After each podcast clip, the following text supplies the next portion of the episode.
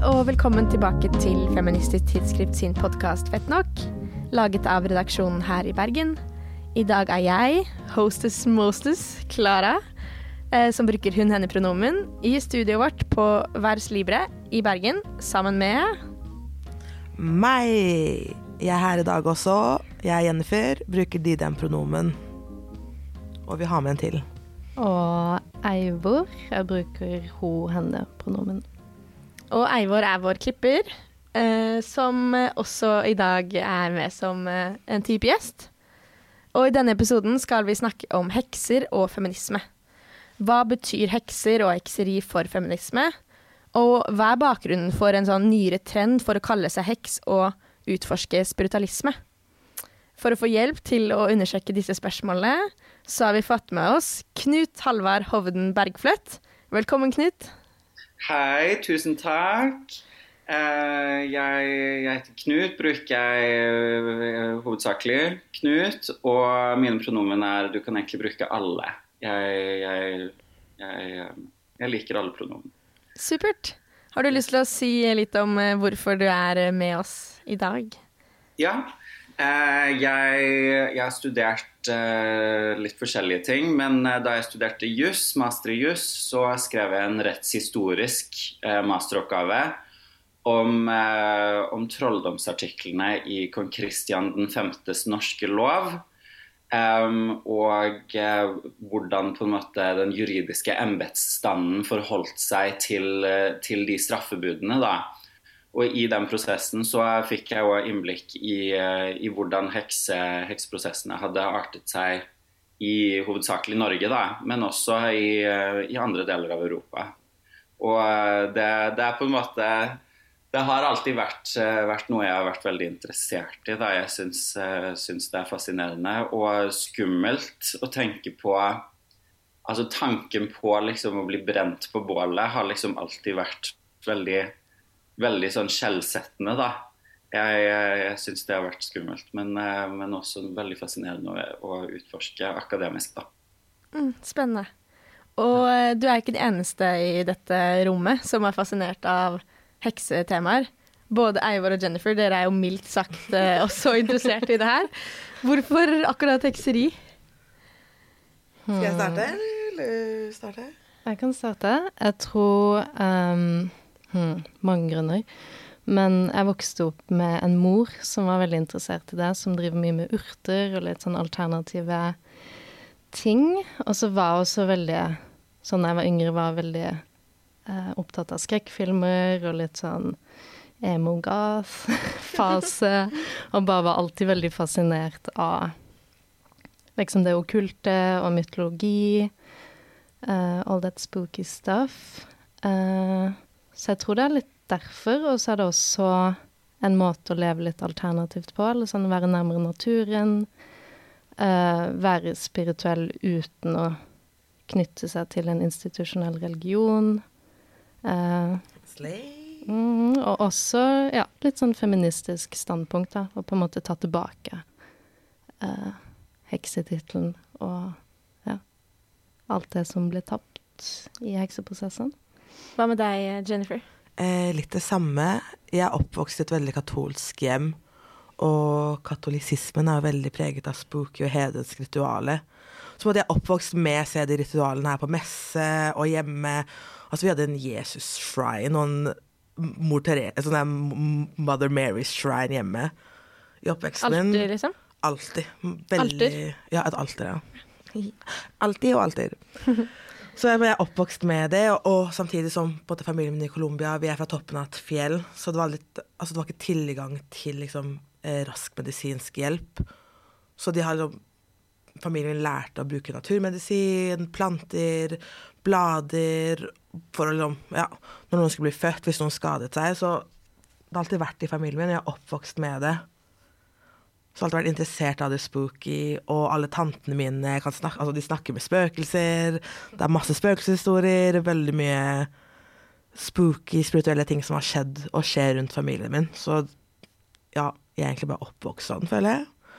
Og det med at jeg syns det er interessant eh, det feministiske aspektet.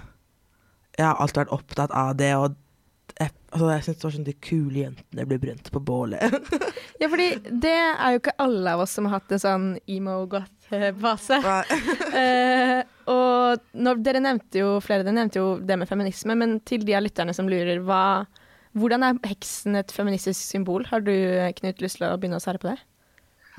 Uh, jeg tenker jo at um, hovedsakelig så var det jo kvinner som ble brent av et veldig patriarkalsk samfunn. Um, og å kunne ta tilbake heksen som et feministisk symbol, det vil jo på en måte være en litt sånn ja, en slags fuck you da, til, til, til de som forsøkte å, å, kneble kvinner på den tiden for helt absurde ting. Uh, for det man ser, er jo at man hadde jo ikke noe belegg eller noe bevis for å kunne dømme disse kvinnene i, i, altså hvis man ser det med nåtidens briller, da.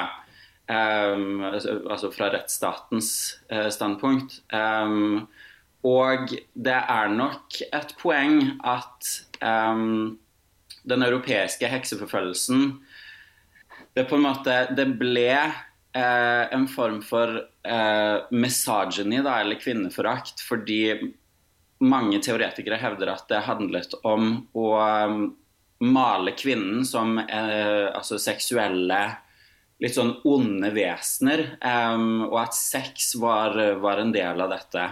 Uh, og, på hvilken måte? Ja, at man, at man på en måte um, tilskrev seg djevelen og på en måte var seksuell da, i disse ritualene. og på en måte Det var nesten en sånn mannlig, litt sånn smålig frykt for det kvinnelige og det seksuelle. Um, og, og, det mener jeg jo absolutt er, er, en form for moderne feminisme. Altså å være seksuell og være seksuelt frigjort. Um, det var kanskje ikke like like lovlig da, uh, back in the day, og så fant man alskens unnskyldninger for å på en måte straffe kvinner for å være ja, naturlige vesener. da. Ja, og var det ikke sånn at folk ble, ja, de ble gjennomgått sånne heksetester? Ja, å gud. Eh, det var jo noen absurde ting de fant på. Eh, F.eks. så hadde man eh, vannprøven. Hvor Altså, da var det Hvis du fløt Altså, hvis du fløt på vannet, da var du da var du en heks. Mens hvis du druknet, da var du, da var du uskyldig. Um, så på en måte, det var jo ikke noen måte å slippe unna, da. Eh, så hadde man òg denne jernprøven, eller jernbyrd, som på en måte var altså, at du skulle ta på glødende, eh, glødende jern. Og hvis du brant deg, altså skikkelig sånn skade på, på hånda, da, det, var, det, er jo tortur, um, da, da, var en, uh, da, var du en, heks. Mens hvis du ikke brant deg, da var du uskyldig, fordi da hadde Gud på en måte beskyttet deg fra å bli skadet. Så det var jo helt absurd og, og overtroisk, det også. Men det var på en måte Det har jeg alltid syntes er fascinerende. Måten de på en måte testa om du var heks på, var jo også overtroisk. Mm. Men det var det på en måte ingen som ble straffet for. Um, så, så, Nei, det var helt forferdelige ting de måtte gå gjennom. Altså. Men hvem var det som la de premissene og satte de reglene og kriteriene her for, og hvem var det som utførte disse prøvene? Det var jo da den dansk-norske eh, embetsstanden, hvis, hvis, man kan kalle det det, eller, eller, på en måte de som var satt til å styre eh, i Danmark-Norge. Men når man på en måte beveger seg lenger og lenger nord i Norge, så var det på en måte færre og færre tilknytninger til kanskje det mer opplyste København. Så eh, det var på en måte veldig vanskelig å, å holde folk i altså, Det var ikke noe kontroll med hva som egentlig skjedde på den tiden. Men, så, så, men det var jo da menn som, som, drev med dette her, mot hovedsakelig kvinner eh, i Norge. Men er ikke en del av det her med å brenne folk og kaste folk på vannet noe som kom litt seinere i Altså etter seinmiddelalderen? Måten for jeg leste om en, som, en av de første som ble dømt som heks her i Bergen, som het Ragnhild Tregagås eller noe. Mm. Hun ble dømt for å ha gjort eh, en mann impotent som hun hadde ligget med, da, og hun ble bare bedt om å faste. Ja. Så hun måtte faste så og så lenge og gå i kirken så og så mye i så og så lang tid. Da, og det var straffen hun fikk. Hun ble ikke drept, mener jeg. Og det her er jo fra mot slutten på seinmiddelalderen. Ja. Så jeg vet ikke, er det noe tid, vet man det kanskje, vet ikke om du vet det, når Ja, altså, begynte det- på en måte de henrettelsene Mm. å Det er, da? Det er en, del, eh, en del lakuner, eller, eller på en måte hull, da, i, i, i kildebelegget. Eh, Det er enkelte fylker hvor man ikke har noen bevarte tingbøker, eller, eller vet noen ting, egentlig. Man har ingen tall. Um, men, eh, men hovedsakelig det kildematerialet man har i Norge, det kommer fra altså, si grovt sagt 1500-tallet til slutten av 1600-tallet. Så vi snakker jo tidlig nytid, da. Ja. Ja. Eh, Middelalderen er det på en måte ikke like mange skriftlige, um, skriftlige kilder på. Um, så, og det er jeg ikke så kjent med, faktisk. Jeg, jeg fokuserte hovedsakelig på 1500-tallet til egentlig slutten av 1700-tallet. Men den siste heksebrenningen i Norge, som vi vet om, den fant sted i 1695. Det var Johanne Nilsdatter i Kvæfjord i Troms. Hva, hva gjorde hun? Hva, hva er greia med Johanne? Hun, eh, hun eh, hadde da conjured forth some kind of storm, da. Og eh, mente man, og, og ført til skipsforlis og diverse.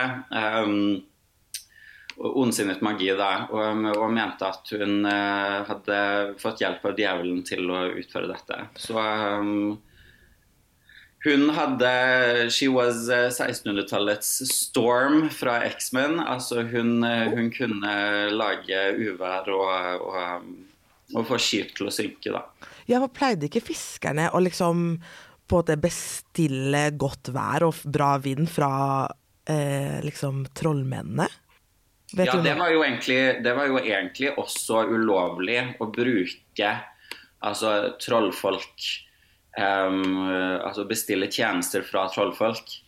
Um, man, man klassifiserte uh, trolldom i tre måte grupperinger. Man hadde det som kaltes diabolisme, som var å inngå en pakt med djevelen for å kunne gjøre unaturlige ting. Det var på en måte det groveste. Og i, i norske lov så var det det som var uh, forbrytelsen som var foreskrevet med bålstraff. da. Så hadde man også maleficium, eh, eller ondsinnet magi. Um, det, var, det var på en måte med eller uten djevelens hjelp. At man, at man på en måte forsøkte å gjøre noen noe ondt. da. Uh, man ser eksempler på f.eks. At, man, uh, at man la eh, døde kyr på nabobondens eh, avlinger for å på en måte forsøke å gjøre dens dyr syke. Altså det var eh, den typen magi, da. Um, og så hadde man signeri, som man kanskje vil kalle hvit magi. eh, hvor man på en måte um, Ja Hva kalles det? Divination? Altså Ja, helbredende, kunne helbredende, ja, helbredende magi. Eller se, finne en mistet gjenstand, den Ja. typen ting. da. Eh, men det var òg forbudt. Eh, Så å, benytte seg av den type magi og folk som man mente kunne gjøre dette, det var også eh, straffbart. Um, Riktignok ikke med bålstraff. Um, mot slutten av 1600-tallet i hvert fall. Altså Loven endret seg en del på, på dette, men, uh, men i den loven jeg så på, kong Kristian uh, 5.s norske lov, så var det kun djevlepakten, eller diabolismen, som var straffbar med, med bålet, da. Eh, og du har særlig i den norske konteksten skrevet om Finnmark. Eh, hva var spesielt med eh, hekseriet i eh, det området? I Finnmark så fikk eh, hekseprosessen et svært hissig preg. Um, altså Man ser at de fleste som på en måte ble tiltalt eller anklaget, endte opp med å bli brent. Det er, det er så mange som oppimot 50% tror jeg altså. Så det var eh, Sammenlignet med de andre fylkene man har kildebelegg i, så var dette eh, svært, eh, svært hissig. Og uh, i Finnmark så var Jeg nevnte i stad dette med på en måte en, en, litt sånn sentralisert kontroll med hva som egentlig foregikk. Altså, København brydde seg på en måte ikke så mye om hva som skjedde i Finnmark. Så det var på en måte litt sånn opp til hver enkelt. Um, hver enkelt bygd, hver enkelt uh, på en måte, ja, jurisdiksjon. Uh, I f.eks. Hammerfest, helt, uh, helt, nord i Norge, så um, var det så aggressivt. Altså, det, var sånn, det var en som ble beskyldt, og så under tortur så ble denne bedt om å nevne andre som også hadde deltatt i en heksesabbat f.eks. Og under tortur så nevner man jo da kanskje tre andre, så blir de torturert, så nevner de tre andre hver. Og så det eksponentielt endte opp med at nesten halve bygda ble, ble sto anklaget for, for heksekunst. da. Og det var på en måte ikke så store befolkninger heller på den tiden, så nei, det gikk hissig for seg. I Vest-Finnmark så, så, var det en del samer som ble brent. Eh, I samenes tilfelle så, så, var det faktisk eh, hovedsakelig menn. Um, Uh, og det tror jeg har litt med Altså Jeg skal ikke forsnakke meg her, det kan hende jeg er på litt tynn is, men jeg tror, jeg tror, det kanskje har litt med å gjøre at um, denne fastlandseuropeiske og uh, tidligere katolske frykten for kvinnen og kvinnens seksualitet og kvinnen som noe ondskapsfullt um, var vanskelig å rekontekstualisere um, for bl.a. samene, hvor trolldommen hadde tatt et maskulint preg. Um, og, og hvor, hvor, hvor, hvor, man ofte snakket om trollmenn. Da. Uh, man ser det samme på Island. På Island var det også hovedsakelig menn som ble brent. Um, og det tror jeg òg har med at den uh, tilstedeværelsen av djevelen og frykten for det feminine um, hadde på en måte ikke fått helt fotfeste. Um, så, så, det tror jeg har med geografiske og på en måte altså Det er mange, mange grunner til det, da. Eh, men det har jo også kanskje litt med å gjøre at Eller for Island har jo også i dag på en måte et større, større kultur for hedensk religion, på en måte, hvis man mm. kan kalle det det. Eller sånn Den nordiske mytologien og nordiske folketråder mm. eh, har jo ikke blitt like utsletta på Island som det har andre steder i Norden, så det er kanskje noe med det òg? Mm. Det tror jeg absolutt er et poeng. Jeg tenkte på det i konteksten av det samiske folk, da, at det er jo også i hekseprosessen og i hele konstruksjonen av en heks er det jo også et veldig kolonialistisk element. Mm. Mm. Altså den ideen om at all religion som ikke er uh, imperiets religion, på en måte, er automatisk heksekraft. Det ser man jo litt òg på sånn synet på afrikanske religioner, eller ja, synet på urfolksreligioner, at det er sånn eksotisk heksekraft, på en måte også med ord som sånn heksedoktor og Ja, som er det samiske folk, så var det jo også sikkert det, da. En slags sånn kolonialistisk assim assimileringsprosess for å mm. utslette alle de sånn eh. Ja, for det gikk vel mest utover Altså som snakket om at det var sami og, og kvensk mm. folk, da. Så jeg skrev også ned at det er sånn eh, tidlig assimilering? spørsmålstegn. for det er jo ikke nytt heller for på en måte i gåstegn den vestlige verden å eh, svartmale urfolk sin religion, da. Ja, og prøve å, å utslette religioner. Men ja. er det også med misjonær Oh my god, ja. altså det å, det å, skulle på en måte konvertere folk, og den, den veldig sånn eh, konstruksjonen av en sånn kontrast hvor det er sånn Man skal konvertere dem fra en eller annen primal eh, heksreligion til liksom den rasjonelle, institusjonelle religionen. Det er litt interessant at det er likheter i alle disse maktutførelsene. Mm. Jeg tror det er et veldig godt poeng dette med, med den førkristne tiden og hvilken funksjon på en måte altså, folk som på en måte hadde litt sånn ja, f.eks. signere, da, som, som eller, eller, dette med hvit magi, kunne litt eh, Hadde helbredende krefter eller, eller god intuisjon. Eh, den slags. De på en måte hadde jo en sentral rolle i, i lokalsamfunnene, vil jeg tro.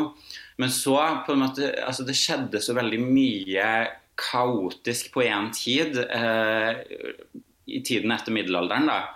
Um, og det er nesten som at den funksjonen ble litt korrumpert, vil jeg si.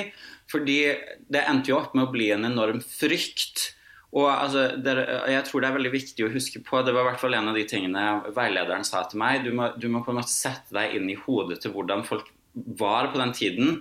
For det første, de, de, satt, de hadde ikke mulighet til å finne ut av ting på samme måte som vi har. Altså, de hadde ikke de, de, de kunnskapsverktøyene som vi sitter med i dag.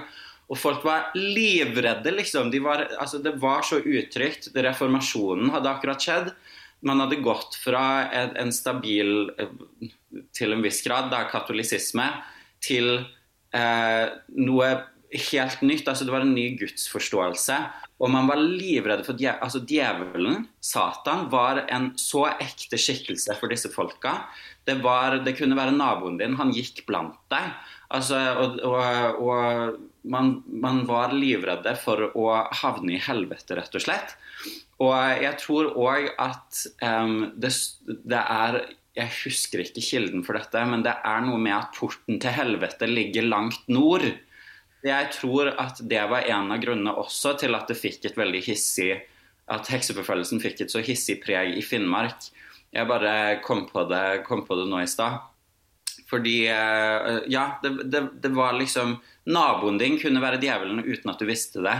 Eh, eller kunne ha tilskrevet seg djevelen. Um, det var på en måte veldig ekte for, for disse personene, denne frykten. da. Um, og eh, så kan man jo spørre seg hvem har skylden i at den frykten egentlig oppsto. Og det vil jeg jo hovedsakelig mene ligger en del hos kirken og hos makthaverne da, i, i perioden. Um, så den gjengse mann eller kvinne eller person i gata var redd i, i hverdagen, liksom. Så det, det er eh, psykologisk sett, tror jeg, viktig å sette seg inn i for å kunne forstå konteksten for hekseforfølgelsen som, eh, som rettshistorisk fenomen. Da. Ja, for det var på en måte å kontrollere. Man ser det også når Jeg husker ikke hva han er kongen het. Jeg mener de kongene i Norge etter vikingtiden. Mm. Når de på en måte hadde lyst, hadde lyst til å ta over fra høvdingene og liksom samle alle sammen da, til å bli liksom én stat. Eh, så gikk det jo utover de vikingene som drev med sånn seidmagi, og høvdingene, at man fjernet på en måte pagan, de, de, paganske menneskene, og hed, hedene, da, for å for, alt å være under én konge. Så det er også snakk om kolonisering av sitt eget folk. Jeg husker ikke det var Harald mm. Hårfagre eller whatever. Ja, og så på en måte hele konstruksjonen av nasjonsstatene. Ja. At det skal være én felles nasjonsstat med én felles religion. En konge, en religion. En konge. Mm. Og også den overgangen fra da liksom føydalisme til kapitalisme. At mm. det blir én stat, og alle som er med i den staten, er et objekt, på en måte, eller en ressurs. Mm. Uh, det er et verktøy. Og, ja, og også litt sånn oppløsninger av Hva skal man kalle det? Uh, bygdesamfunnet, eller sånn istedenfor at mm. det er litt sånn som The Commons, liksom, konseptet av det. At istedenfor at det er uh, At man er mer et sånn kollektiv gruppe som bor sammen i bygder eller uh, kollektive ja, bosamfunn, så skal man være i staten som en sånn veldig konsentrert helhet. Mm. Um, jeg, jeg, var jo kort innom det i stad, men uh, da jeg snakket litt om, um, om dette med, med, de samiske områdene i Finnmark um, men, uh, men, på Island så var det jo òg dette med at uh, det er jo en isolert øy. og man kan jo nesten altså se på det som jeg, jeg, vet ikke hvor mye kontakt Island hadde med omverdenen. jeg men, eh, men, eh, men, der hadde man større tradisjon for at, eh, for at det norrøne norrøne synet på, på magi og, og, og, den slags bar med seg også et maskulint preg. da. Det var på en måte mannlige trollmenn eh, som på en måte nok springer ut av den norrøne mytologien. Uh, og den um, fastlandseuropeiske um, frykten for, for, det kvinnelige og det feminine og det seksuelle, uh, det på en måte Altså, det fikk ikke samme gjenklang på Island. Det var vanskelig å rekontekstualisere kvinner um, som på en måte ondskapsfulle seksuelle uh, i, i, en verden hvor på en måte magi var veldig maskulint. Um, så, så, derfor var det hovedsakelig menn som ble brent på, på Island og ble jaktet på. da. Um, jeg personlig tenker jo kanskje at disse, disse mennene kanskje også kunne klassifiseres som skeive. Kanskje. Jeg vet ikke. Uh, og det er på en måte vanskelig å finne noen historiske kilder på dette også. Men, men man vil jo tro at, at, de som på en måte ble um, forfulgt og, og endte opp med å bli brent på bålet, da, Um, kanskje var litt sånn Ja, jeg syns det engelske ordet 'deviant' er, er, litt fint. altså De var på en måte litt utenfor uh, i, i, de etablerte samfunnene, da. Så, man, så, det er mulig å se på en måte mer av det utenforskapet hos eh, mennene på Island enn f.eks. de kvinnene som ble eh, anklaget for å være heks i Norge? Ja, eller jeg tror jo på en måte det er, en, det er, en, det er et fellesskap der. Um, hvor, uh, hvor, på en måte forskjellen er at på Island så var det, var det mennene som havnet utenfor, da. Um, og, uh, og ble, ble, ansett for å være trollmenn og, og straffedømt for det, da. Um, Fikk de samme type straffer? Uh, det var jo heksebrenningen, ja. Og og man, dette var på en måte Det kommer fra uh, Nå husker ikke jeg helt, uh, helt hva den heter, men jeg tror det er malef, Maleficarum eller Maleficarum. Maleus Maleficarum? Ja, ja. Heksehammeren. Mm. Um, som uh, Nå husker ikke jeg helt hvor den kom fra, men det var jo um, Tyskland. Ja, det var tysk, ja. Mm. Uh, selvfølgelig. Tyskland var jo det, det hissigste landet i hele Europa på, på hekseprosessene. Okay. Um, så Og det kan man òg forstå litt nå, nå, hopper jeg jo litt, da, men hvis man ser på det jeg sa i stad, med, med, dette med, med uro Altså Tyskland i reformasjonen, det var jo ikke snakk om noe mer urolig. Um, så det jeg tror nok det òg er en grunn til at, eh, at, at tyskerne var veldig, var veldig, hissige på dette her. Men, eh, men på Island det var det var å bli brent på bålet som i, som i, Norge, da. Og i resten av Europa, for den saks skyld. For, eh, for Og også, det glemte jeg å si. Jeg, jeg snakket jo innledningsvis om denne, at, at, man klassifiserer hekseforbrytelsen i tre. At man har diabolisme som den strengeste, strengeste um, eller på en måte den, den formen for trolldom som ble strengest straffet. Um, på Island så var det maleficium, altså dette med å, å gjøre ond magi, da, som, som frem, inntok på en måte um, det mest fremtredende uh, forbrytelsen um, på Island. Så dette med djevlepakt, det var liksom ikke Altså, djevelen var ikke så nær på Island da, om man, om man, eh, om man skal si det sånn. Veldig spennende å høre om. Ja, jeg synes det er veldig spennende det du nevnte med at kanskje de var skeive. Mm. Og det med skeivhet ja. ja. så sånn, Når jeg nevnte det med seid, var sånn at hvis en mann gjorde det, så ble de dømt for sånn ergi som mm. var sånn der ikke-mannlig oppførsel mm. som igjen man kan også tolke som liksom å bli dømt for å være homofil. Og drive med mm. liksom ikke-mannlige ting. Og være mm. mer liksom internt med den feminine siden sin. da. Som jeg tror også man altså, Som jeg tror er reelt. Jeg tror det var veldig mye det at hvis man ikke passet den derre eh, når Eller derre forventningen av hva en mann skulle være i samfunnet, og gjorde noe som var feminint, så er man jo skeiv. Mm. Å være skeiv betyr ikke at man er gay, liksom. Nei. Så jeg tror altså skeivhet spiller mye inn i det her, da. Mm. Med menn som ble det er min personlige teori òg, men jeg har liksom ikke jeg har ikke, jeg har ikke, funnet så mange kilder for det. Men, eh, men, men jeg tror kanskje at det, det, er et aspekt, da.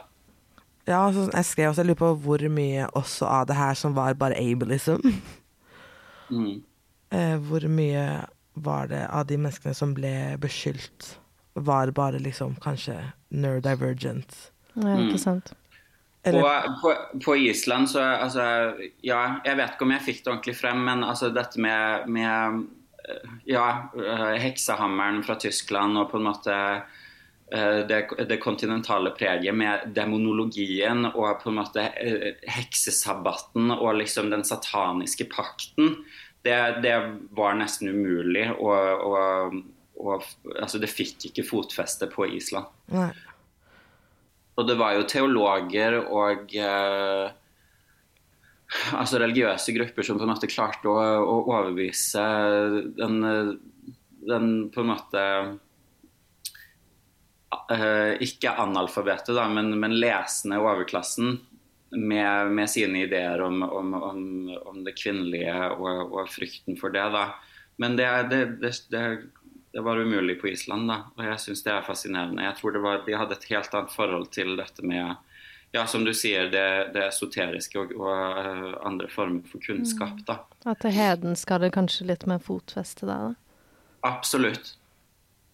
Ja, og er ikke Island sånn kjent for sånne fairies og mer sånn natur Ja, for der er jo den, den hedenske, altså. Ja, ja. den nordiske folketroa er jo fortsatt praktisert. Ja. Altså folk har samlinger det er sett på som veldig normalt, tror jeg. Eller jeg, jeg vet ikke så mye om det, jeg vet bare at det det fungerer liksom mye mer som en slags organisert og akseptert religion på Island enn det gjør andre steder. Her i Norge er det jo litt sånn Nordisk Mm. mytologi er litt sånn lada begrep, fordi det, det, det er veldig synd, da, men det har på en måte blitt appropriert av eh, nynazister og eh, høyre, Ja, de har jo appropriert det på mange måter. Mm. Altså, ja, de, altså, de heter jo Sans of Odin, liksom. Ja. Ja. Og det er veldig synd, for det er litt det jeg snakka om tidligere, hvor, hvor mye fin spirituell historie det er i førkristen eh, norsk Mm. historie, og hvor viktig da, liksom hvis man skal være spirituell på en alternativ måte, hvor viktig det er å hente fra den tradisjonen Ja. istedenfor å stjele fra andre tradisjoner. Så det er veldig synd at det har blitt litt sånn kuppa av eh, Ja, og jeg tror du, du, du reiser et veldig godt poeng. Jeg tror nesten at det norrøne eh, og det litt hedenske nærmest eh, fungerte som et forsvar mot på en måte eh, Altså det, det kristne hysteriet til disse pompøse prestene rundt omkring på fastlandseuropa. Mm. Ja, og hvordan de så på kvinner, da. De, altså, de Altså At en kvinne hadde sex, det var jo eh, altså Det ble jo sett på som beistlig, liksom. Det var jo Altså, det var uh, ja, insatiable carnal lust, liksom. Mens menn som hadde sex, var, var ikke det. Så eh, jeg, jeg føler at eh, At det er veldig trist at på en måte det norrøne er blitt appropriert av, av grupper som jeg ikke vil vedkjenne meg. Um, uh, fordi det i denne perioden kanskje fungerte som et slags forsvar mot, mot uh, den kvinneforakten som sprang ut av, uh, av kristendommen. Da.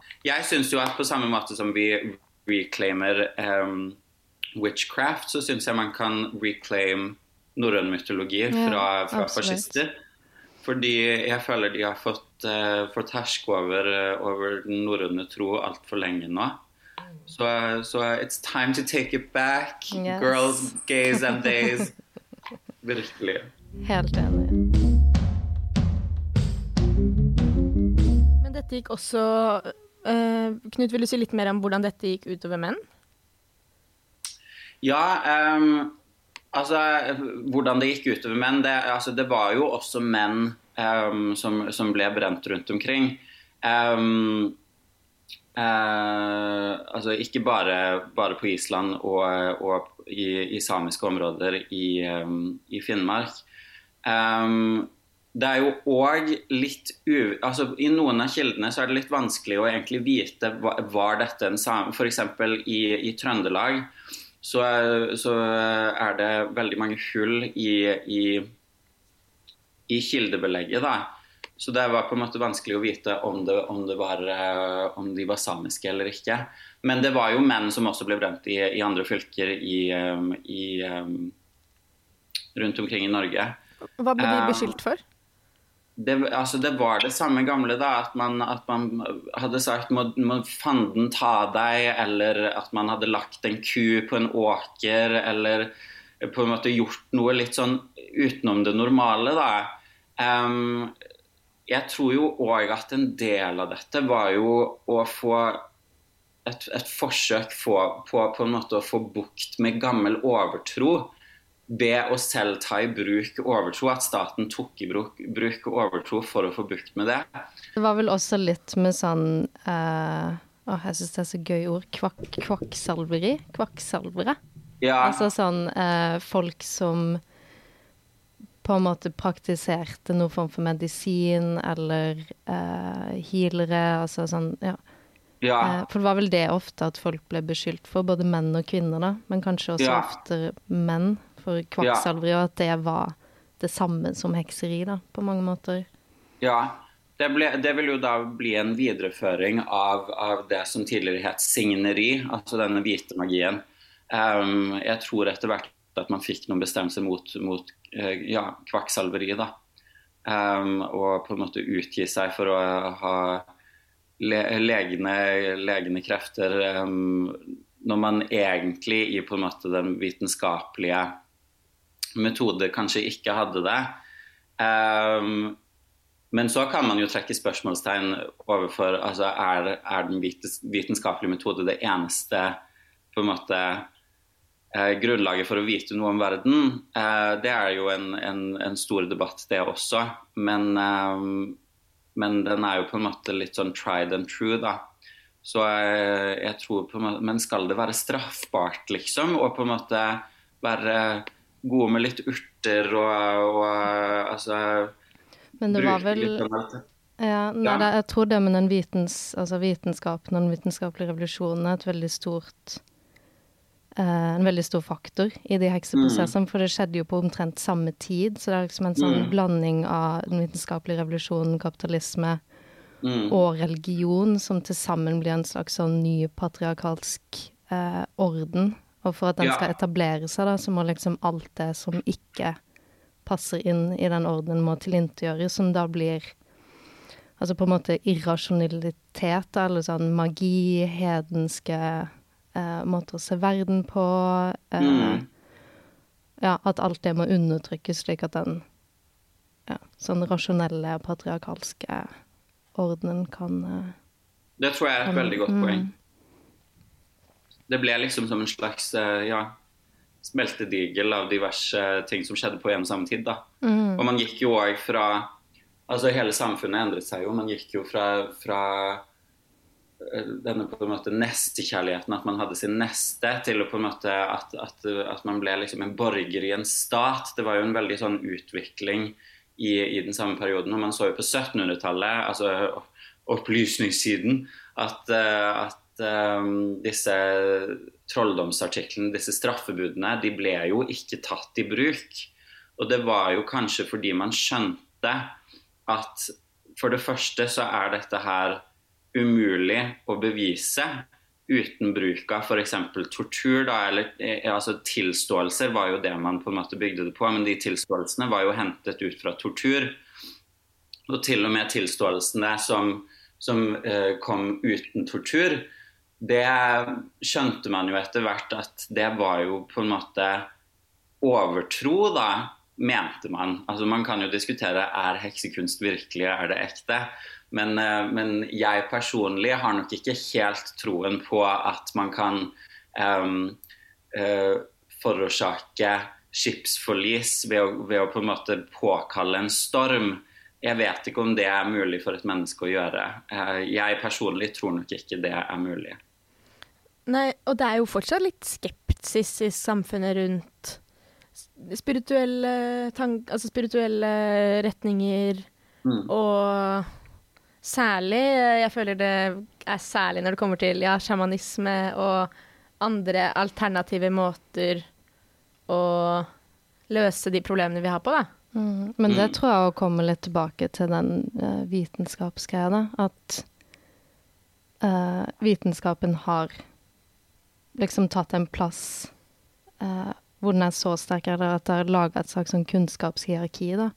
hvor Mm. vitenskapen er på toppen av hierarkiet, og alt som ikke er vitenskapelig Mm. bevist, på en måte, selv om de fleste ting egentlig aldri blir 100% bevist. Eller den ideen om en sånn vitenskapelig, universell, objektiv sannhet da, som er veldig akseptert, uh, Mm. men som jeg tror det er viktig også å være litt kritisk til, da, for det er på en måte Ja, eller hele den ideen om at det går an å ha en objektiv, universell sannhet, og jeg føler den også er veldig knytta opp til patriarkiet. eller sånn Jeg er helt den, enig. ja, den maskuline ideen om, eh, om kunnskap som bare ikke er eh, i en kulturell kontekst, f.eks. Men jeg føler også, når vi snakker om vitenskap, at det er viktig å poengtere at det er vestlig vitenskap. da. At det er også på en måte litt rasisme og litt sånn kolonisme og white supremacy. Ja, det er det jeg mener med kulturell kontekst. Ja, ja. At det er sånn vitenskapen presenterer seg sjøl som helt frigjort fra alle kulturelle eh, kontekster, men det går jo ikke an. Altså, Nei. man er alltid et menneske i en kontekst. Um, jeg tenker jo at David Hume, Uh, opplysningsfilosofen, uh, han, han sa jo at det er noen ting man ikke kan vite noen ting om. Eh, man kan ikke på en måte Man har ikke kunnskap til f.eks. det indre, eller det er noen ting som man ikke kan observere, da, som man ikke kan frembringe empiri på. Men så kom jo eh, modernistene på 1800-tallet og sa fuck that, vi skal gjøre vitenskap om det anyway. Så eh, jeg, jeg føler jo på en måte at til og med i opplysningstiden så var det jo, var det jo krefter som kritiserte den vitenskapelige metodens ehm, Altså at, at den kunne brukes til alt. For det, det mener jo jeg personlig at den ikke kan, f.eks. Og at man må søke hen til andre ting. F.eks. hva er egentlig det indre, hva er, hva er, hva er sjelen, på en måte. Eh, disse tingene. Eh, og eh, ja, jeg tenker at eh, det er et godt poeng i at vitenskapelig metode på en måte har satt seg på toppen av et hierarki. da. Um, Ja, for det er jo veldig mye kunnskap som ikke på en måte er vitenskapelig, eller sånn som intuisjon, for Ja. eksempel, eller magefølelse, altså sånne ting som er mm, egentlig veldig akseptert i samfunnet. Man snakker jo helt om magefølelsen og intuisjon, men Ja. fortsatt så er det jo veldig på bunnen av det hierarkiet av hva som er ekte ja. og ikke ekte. Og egentlig også det menneskelige ønsket om at det skal være noe mer, på en måte. Mm. Altså det, det føler jeg hvorfor, hvorfor skal vi liksom ha den trangen? Så jeg, og jeg tenker jo òg f.eks. på astrologi, selv om jeg ikke nødvendigvis tror på at stjernene eh, regjerer over meg og mitt følelsesliv, så føler jeg at eh, astrologi har en funksjon likevel, fordi den åpner opp for samtaler om hvordan er jeg, hvem er jeg som person, hvem er jeg, altså identitet, hvordan reagerer jeg på diverse situasjoner. Eh, så det har jo en funksjon utover det som kanskje det fremstår overfladisk for en hardbarka vitenskapsmann, da. Eh, som på en måte Jeg ser veldig mange som kritiserer astrologi, men som ikke nødvendigvis skjønner at det også har en eh, sosial funksjon, da. Tidligere òg så var astrologi var jo på en måte også vitenskap. Og når vi ser på urfolk så Mm. altså De brukte jo liksom stjerner og himmel til å se når de skulle hente the last harvest. Jeg vet ikke hva det er på Ja. norsk. Men det er, jo, altså, det er jo på en måte the OG-bruken av astrologi. er jo ikke nødvendigvis den derre Jeg er en Capricorn, så derfor liker jeg å farge Organisere Excel-arkene mine, liksom. Ja. And I do, I Det love that shit, liksom. Men det er Det var jo en form for vitenskap, og den går, det, det går jo også så mye lenger tilbake. Altså Ja. sånn Mm. Alt av den på en måte esoteriske og okkulte eh, Mm. kunnskapen er jo så mye eldre enn vitenskapen, som egentlig er ganske ung ja, det fortsatt. Og det er litt sånn ja. Jeg syns det er veldig fascinerende, da. Og bare sånn historien om Jesus er også en astrologisk Eller sånn astrology-historie. Egentlig, da. Det er my hot take. Ja. Ok, men okay, tilbake til uh, Nå har lytterne, nå har lytterne satt på denne episoden for å høre ja. Ikke enda mer uh, Jesus astrologien. Nei da, men det er mange spirituelle retninger da, Ja. som er litt i vinden for tiden. Ja. Og apropos i vinden, eh, så har vi snakket litt om at eh, hekseri og hekseidentitet er jo blitt brukt for å undertrykke normbrytende kvinner, normbrytende menn, normbrytende aktiviteter i historien. Men hvorfor ønsker folk i dag å assosiere seg med dette? Um, jeg føler jo det har vært litt sånn bølger som også har eh, skjedd på samme tid som det har vært forskjellige feministbølger. Som eksempel på 60-70-tallet så ble plutselig wicca en veldig stor greie. Um, og Hva er det- wicca? Og, som Jennifer seg i går, det er en uh, sånn religion som er lagd av en hvit mann. Som Nei, wicca er på en måte uh, et forsøk på å organisere en slags sånn hekse, heksereligion som har tatt veldig mange forskjellige elementer. Uh, Ja, det var en hvit mann som var sånn Nå skal vi lage på en måte en ny religion som er basert på hedenske prinsipper, basically, da. Men det de har gjort, er å ta Altså bli in, inf, influenced, sier de da, av hinduisme, buddhisme og liksom andre urfolk og andre mennesker eller verdensdeler sine Men det er en veldig sånn rar blanding, for det er mye, det er liksom mye norrøn mytologi, mye Ja. keltisk mytologi, så det er ikke bare fra andre Men det er en sånn det er en blanding. blanding. Okay, det er og det- sånn Og det så vi på 60-tallet. Ja, eller, ja, da Ja. ble det med sånn hippietida, med liksom hele revolusjonen da, så, så ble det ganske trendy å være heks og ta det litt tilbake, og eh, alt med det okkulte. Eh, og da var det jo også en feministbølge på den tida, radikale feminister og alt det der. Og så på 90-tallet igjen så ble det også veldig trendy å være heks. Også litt det samme med Wicca, og der ser man også veldig mye av den popkulturen med sånn Sabrina uh, Buffy the Vampire Slayer Charmed. og Charmed og masse sånn hekse, heksegreier. Ja, for jeg kalte det jo selv ny trend, men jeg er jo vokst opp med å se på Sabrina fly rundt på soplimet og Harry Potter. Ja. mm. Harry Potter, ja.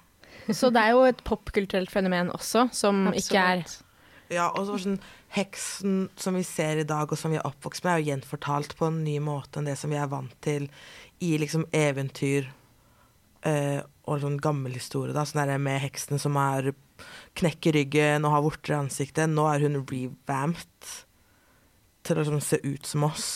Og ikke Det er veldig sant. Ja, hun er, hun er ikke lenger liksom lagd av eh, det derre the male gaze. Han ser på at hvis en kvinne ikke passer til det normen er, eller det patri- patriarkastiske ideen som en kvinne skal være, så er hun stygg da. Nå er hun eh, babe. hun, er, hun er en bimbo. Hun er every woman. Har dere sett uh, American Horror Story Coven?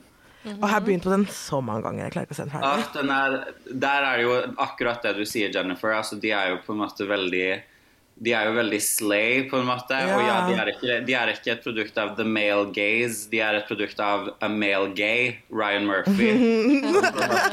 som lagde, lagde eh, these gorgeous, powerful uh, kvinneskikkelser da, i, kledd i svart. og og også The, the Voodoo Priestess Marie Laveau. Og, um, og det, jeg syns det jeg, jeg elsker den serien. Den, eh, den er jo veldig campy, men, Ja. eh, men det på en måte viser jo at, at bildet av heks er jo på en måte blitt litt sånn fierce og, og um, ja, litt Ja, Ja, vi har gått stemning, liksom. Ja, vi har gått litt vekk fra den binære måten å snakke på hva en heks er. da.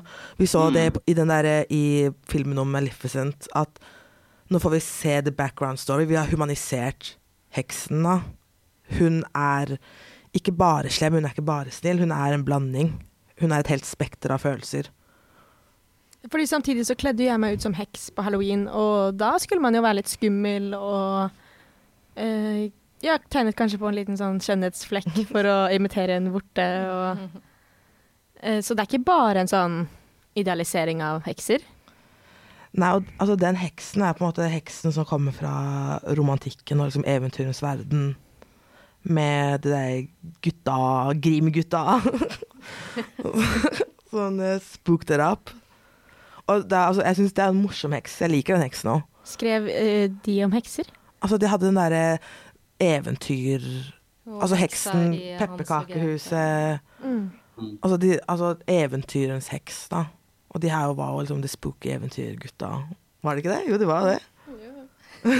Eh, men har vi noen går det, Har vi sett eh, representasjon av ikke-vestlige, ikke-hvite hekser? Er Jeg tror det spørs veldig hvor man Sabrina er jo ser. veldig sånn Ja, hun er jo veldig litt sånn bimbo, mens Jeg tror det er veldig spørs hvor man ser, men vi har Det var vel i forrige fjor så kom det Siempre Broha på Netflix, som handler om en heks i Colombia, da. Mm. Og det er en colombiansk serie.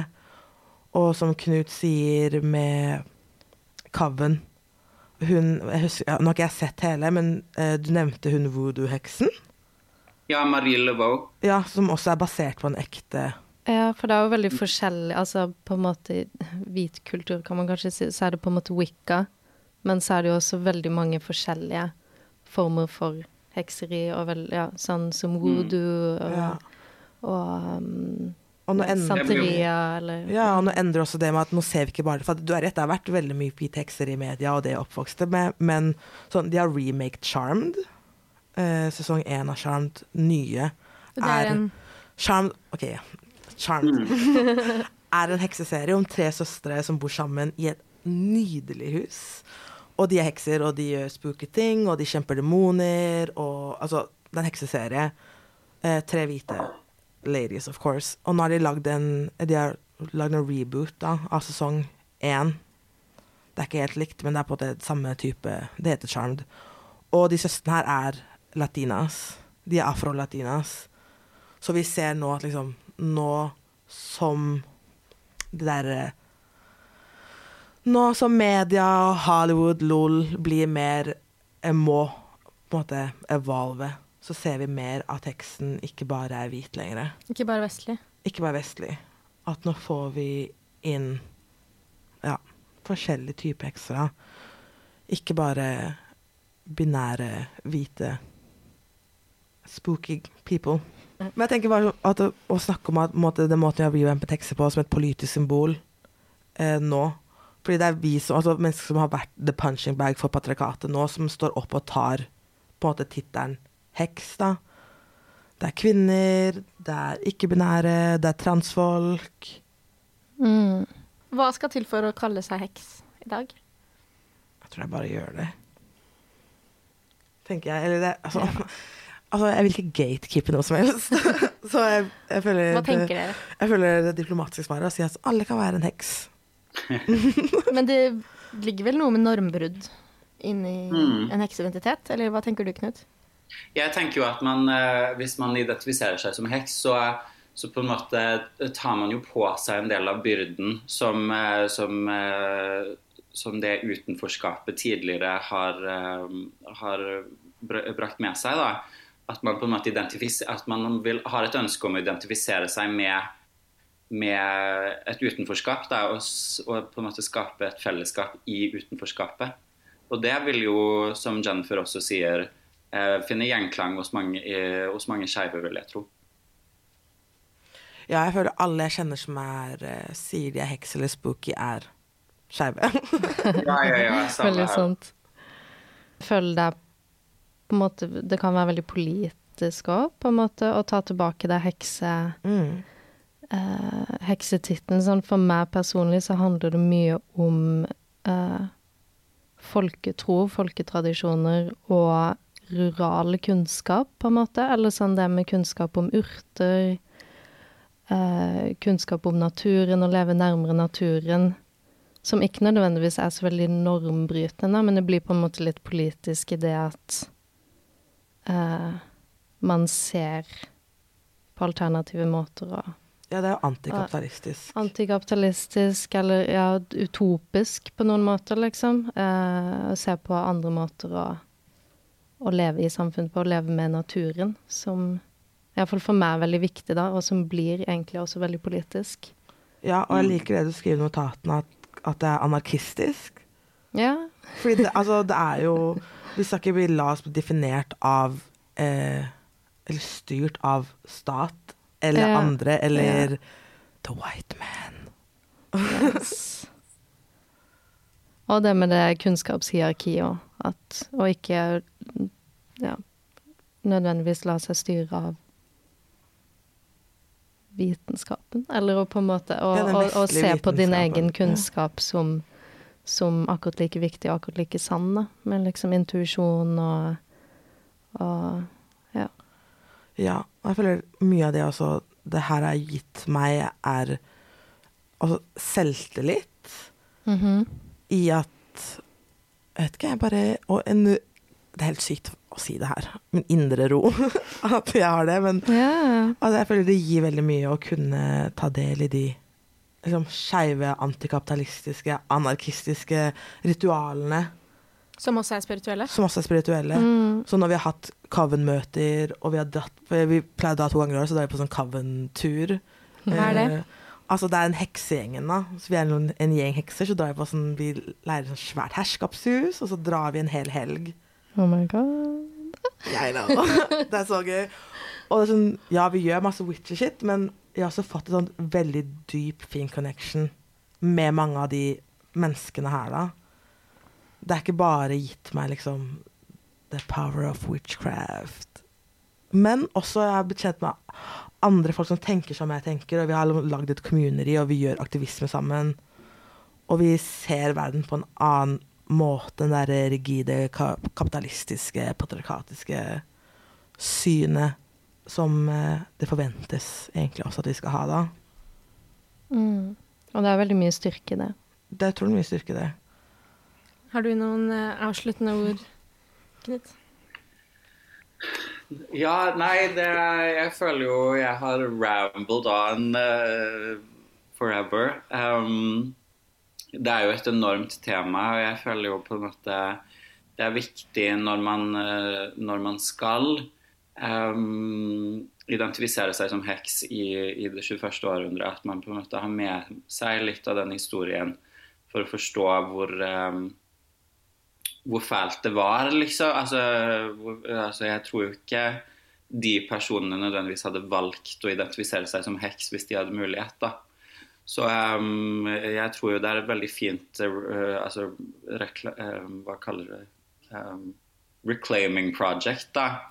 Um, ved å på en måte vise solidaritet og på en måte identifisere seg med utenforskapet. Men man skal aldri glemme hvor, uh, hvor forferdelig det var back in the days, da. Og jeg vil også bare nevne noen som jeg føler eh, virkelig på en måte tar tilbake det å være heks, er band- og performance-prosjektet Witch Club Satan, som nylig spilte i Bergen. Jeg var så på konserten. Um, de er liksom et black metal-band med bare kvinner, uh, performance, teater. Uh, og de hadde en veldig fin beskrivelse av det å være heks uh, i en tekst som de leste opp, som de sendte til meg, hvor de eh, sa To become a witch can mean many things. It is a connection with nature. It is awareness. It is to care for the brutal history of the witch trials. It is daring to be ugly, loud and too much. Og den syns jeg var veldig fin. Tusen takk. A true slay. Og med det vil vi si tusen takk for at du har lyttet til episoden. Eh, I denne episoden så har du Jennifer, Eivor og meg i samtale med Knut Halvard Hovden Bergfløtt. Hele navnet der. Og en stor takk til Værs Libre for studio og utstyr.